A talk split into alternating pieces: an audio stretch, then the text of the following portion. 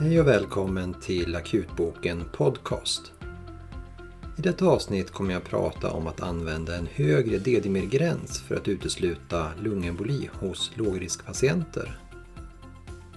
Diagnostik och behandling av virusencefalit. Och en ny studie som jämför olika bedömningsalgoritmer vid lätt traumatisk hjärnskada.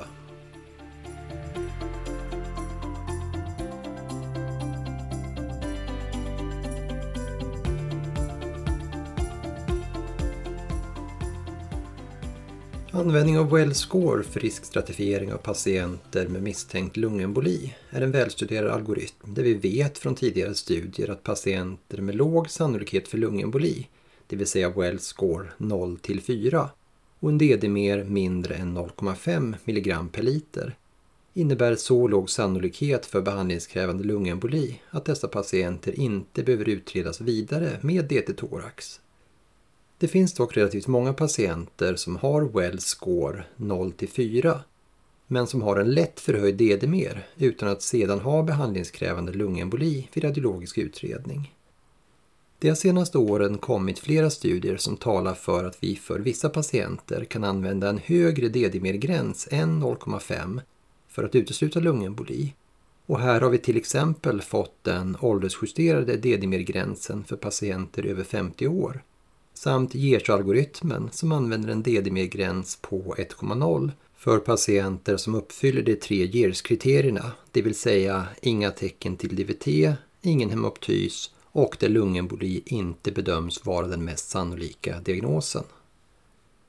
Det finns även retrospektiva studier som talar för att vi även kan använda en högre DDMER-gräns i Wells-score-algoritmen och vi har nu i slutet av 2019 fått en stor prospektiv studie om detta ämne publicerad i New England Journal of Medicine.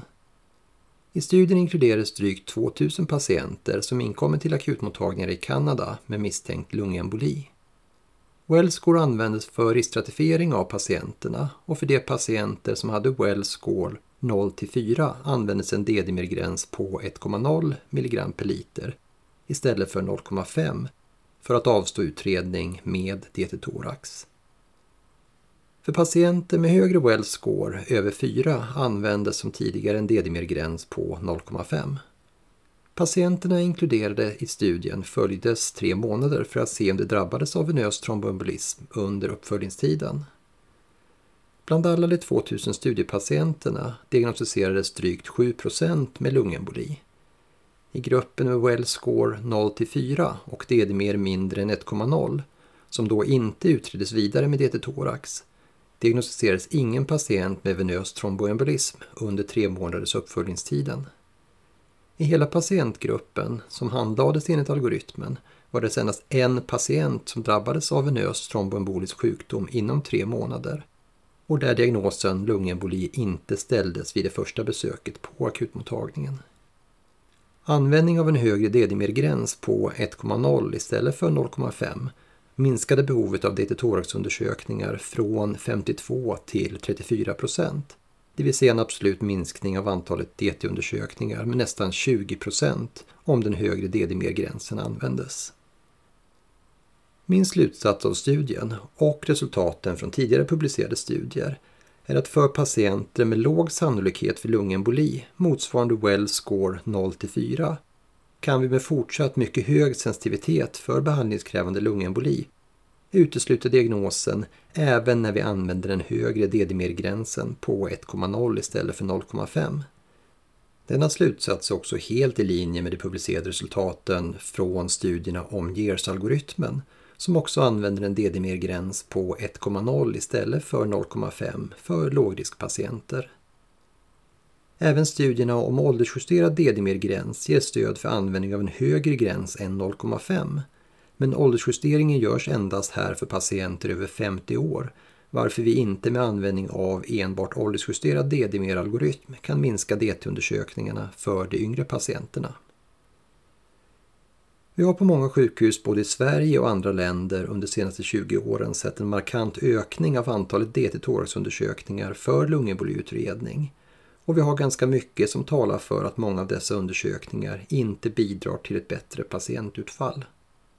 Vi har däremot ganska mycket som talar för att DT-thoraxundersökningar med lungembolifrågeställning för lågriskpatienter istället ger negativa effekter med ökad cancerrisk på grund av strålning och en betydande andel falskt positiva undersökningsfynd med överdiagnostik och överbehandling som följd.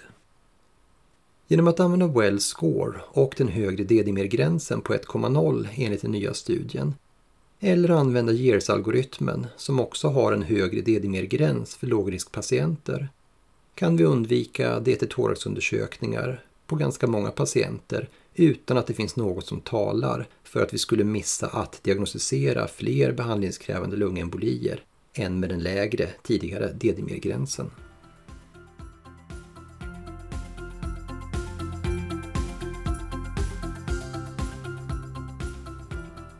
Förra året publicerades en bra reviewartikel om virusencefaliter i New England Journal of Medicine och jag tänkte här gå igenom några av de viktigaste budskapen från artikeln och de artiklar som refereras till. Virusencefalit är relativt ovanligt och orsakas i Sverige vanligast av herpes simplex-virus och TBE.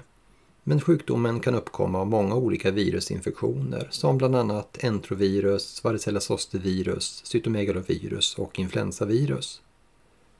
I vissa fall lyckas man inte påvisa något specifikt virus även fast klinik och undersökningsfynd talar starkt för att patienten har haft en virusencefalit. De kliniska symptomen vid en virusencefalit kan vara ganska varierande, men vanliga symptom är feber i kombination med olika neurologiska symptom som påverkad medvetandegrad, förvirring, hallucinationer, ataxi, motoriska bortfall och krampanfall. Vid lumbalpunktion ses vanligtvis ett ökat antal vita blodkroppar i likvor med monocytär dominans. Men stegringen av dessa behöver inte vara så uttalad utan många patienter har i nivå kring 20-100 gånger 10 upp till 6 celler per liter. Det finns även enstaka fall med svår virusencefalit beskrivna där likvoranalyser visat helt normalt antal vita blodkroppar i likvor, det vill säga mindre än 5 gånger 10 upp till 6 celler per liter så normala cellfynd i likvor utesluter inte helt diagnosen, speciellt vid stark klinisk misstanke. Virusdiagnostik bör tas för de vanligaste virusen och här rekommenderas i ett första steg att skicka likvaranalyser med PCR för herpes simplex virus typ 1, herpes simplex virus typ 2, varicella zostervirus och entrovirus. Det är dock bra att ta extra rör och likvor att spara om det senare skulle vara aktuellt för ytterligare virusanalyser om inte något av de vanligaste virusen skulle påvisas. När det gäller TBE så är de PCR-metoder vi har idag inte speciellt bra för analys av likvor, så här rekommenderas i första hand serologi med analys av IgM och IgG för diagnostik. Avseende behandling av virusencefalit så har vi egentligen bara god evidens för behandling av herpes simplex virusorsakad encefalit med aciklovir. De studier som finns talar för att tidigt insatt behandling med aciklovir förbättrar både prognosen avseende mortalitet och neurologiska restsymptom efter infektionen. Vid misstanke om virusencefalit bör därför behandling med intravenöst aciklovir i dosen 10 mg per kilo tre gånger dagligen inledas så snart som möjligt redan på akutmottagningen och innan svar från virusanalyser finns. I flera studier har man retrospektivt gått igenom journaler för patienter som diagnostiserats med virusencefalit och sett att många av dessa patienter inte har fått behandling med aciklovir förrän efter 1-2 dygn efter inkomst. Bland annat då man ibland inte har misstänkt diagnosen initialt eller att man har misstänkt diagnosen men ändå väntat på virusanalyssvar. Det är därför viktigt att se till att aciklovir ges direkt när du har en patient med misstänkt encefalit och fortsätta behandlingen till infektion med herpes simplex virus har uteslutits. Ibland kan också symptomen vid en svår viral encefalit vara liknande symptomen som vid en bakteriell meningit och det kan då vara svårt att skilja dessa diagnoser innan provsvar och annan utredning finns. I dessa fall kan det ibland finnas skäl att initialt ge behandling både med aciklovir och antibiotika i väntan på provsvar och fortsatt diagnostik då det är viktigt att behandlingen inte fördröjs oavsett vilken av dessa diagnoser patienten har. Sammanfattningsvis så är virusencefalit en relativt ovanlig diagnos, men det är viktigt att överväga diagnosen för alla patienter med feber i kombination med medvetandesänkning, kognitiv påverkan, krampanfall eller neurologiska bortfall så att vi inte fördröjer behandling som kan förbättra prognosen.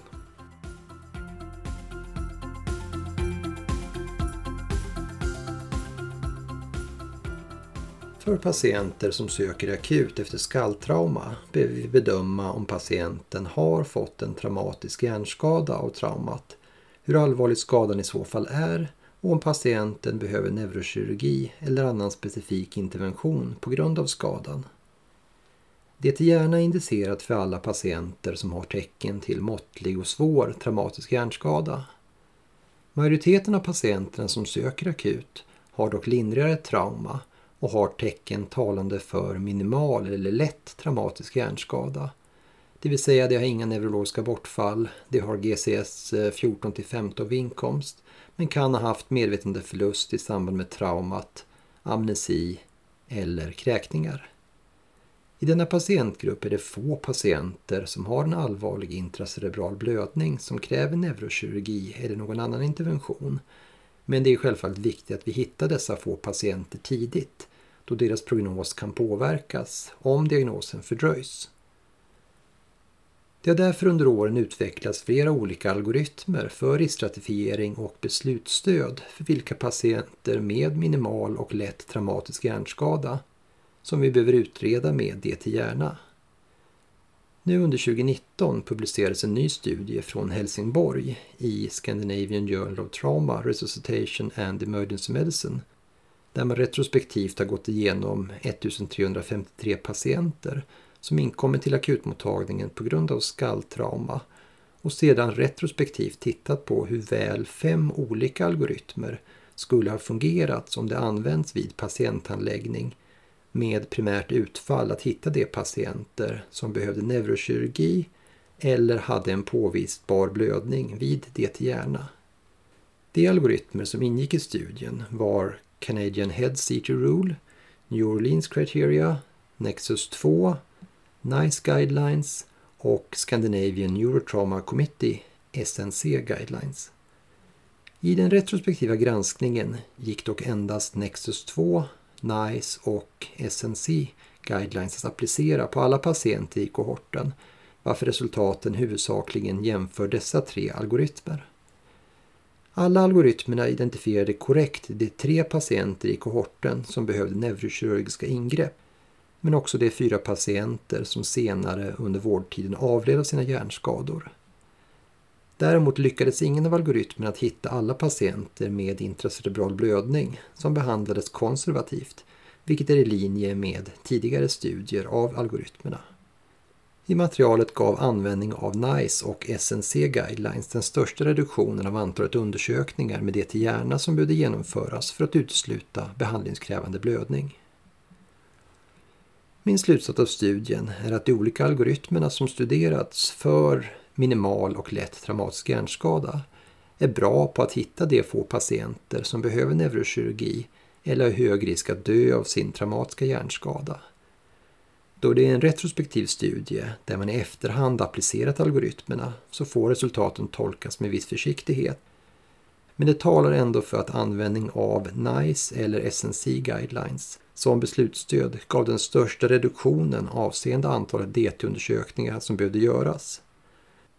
Något som den aktuella studien visar i linje med tidigare studier och som kan vara bra att komma ihåg är att oavsett vilken beslutsregel som används så kommer den inte att fånga alla patienter med traumatisk hjärnblödning, även om behandlingen för dessa patienter som inte kräver neurokirurgi är konservativ och där diagnostiken av blödningen sannolikt i de flesta fall inte påverkar handläggningen. Detta var allt för avsnittet denna månad. Som vanligt hittar du länkar till artiklarna som vi gått igenom på vår hemsida www.akutboken.se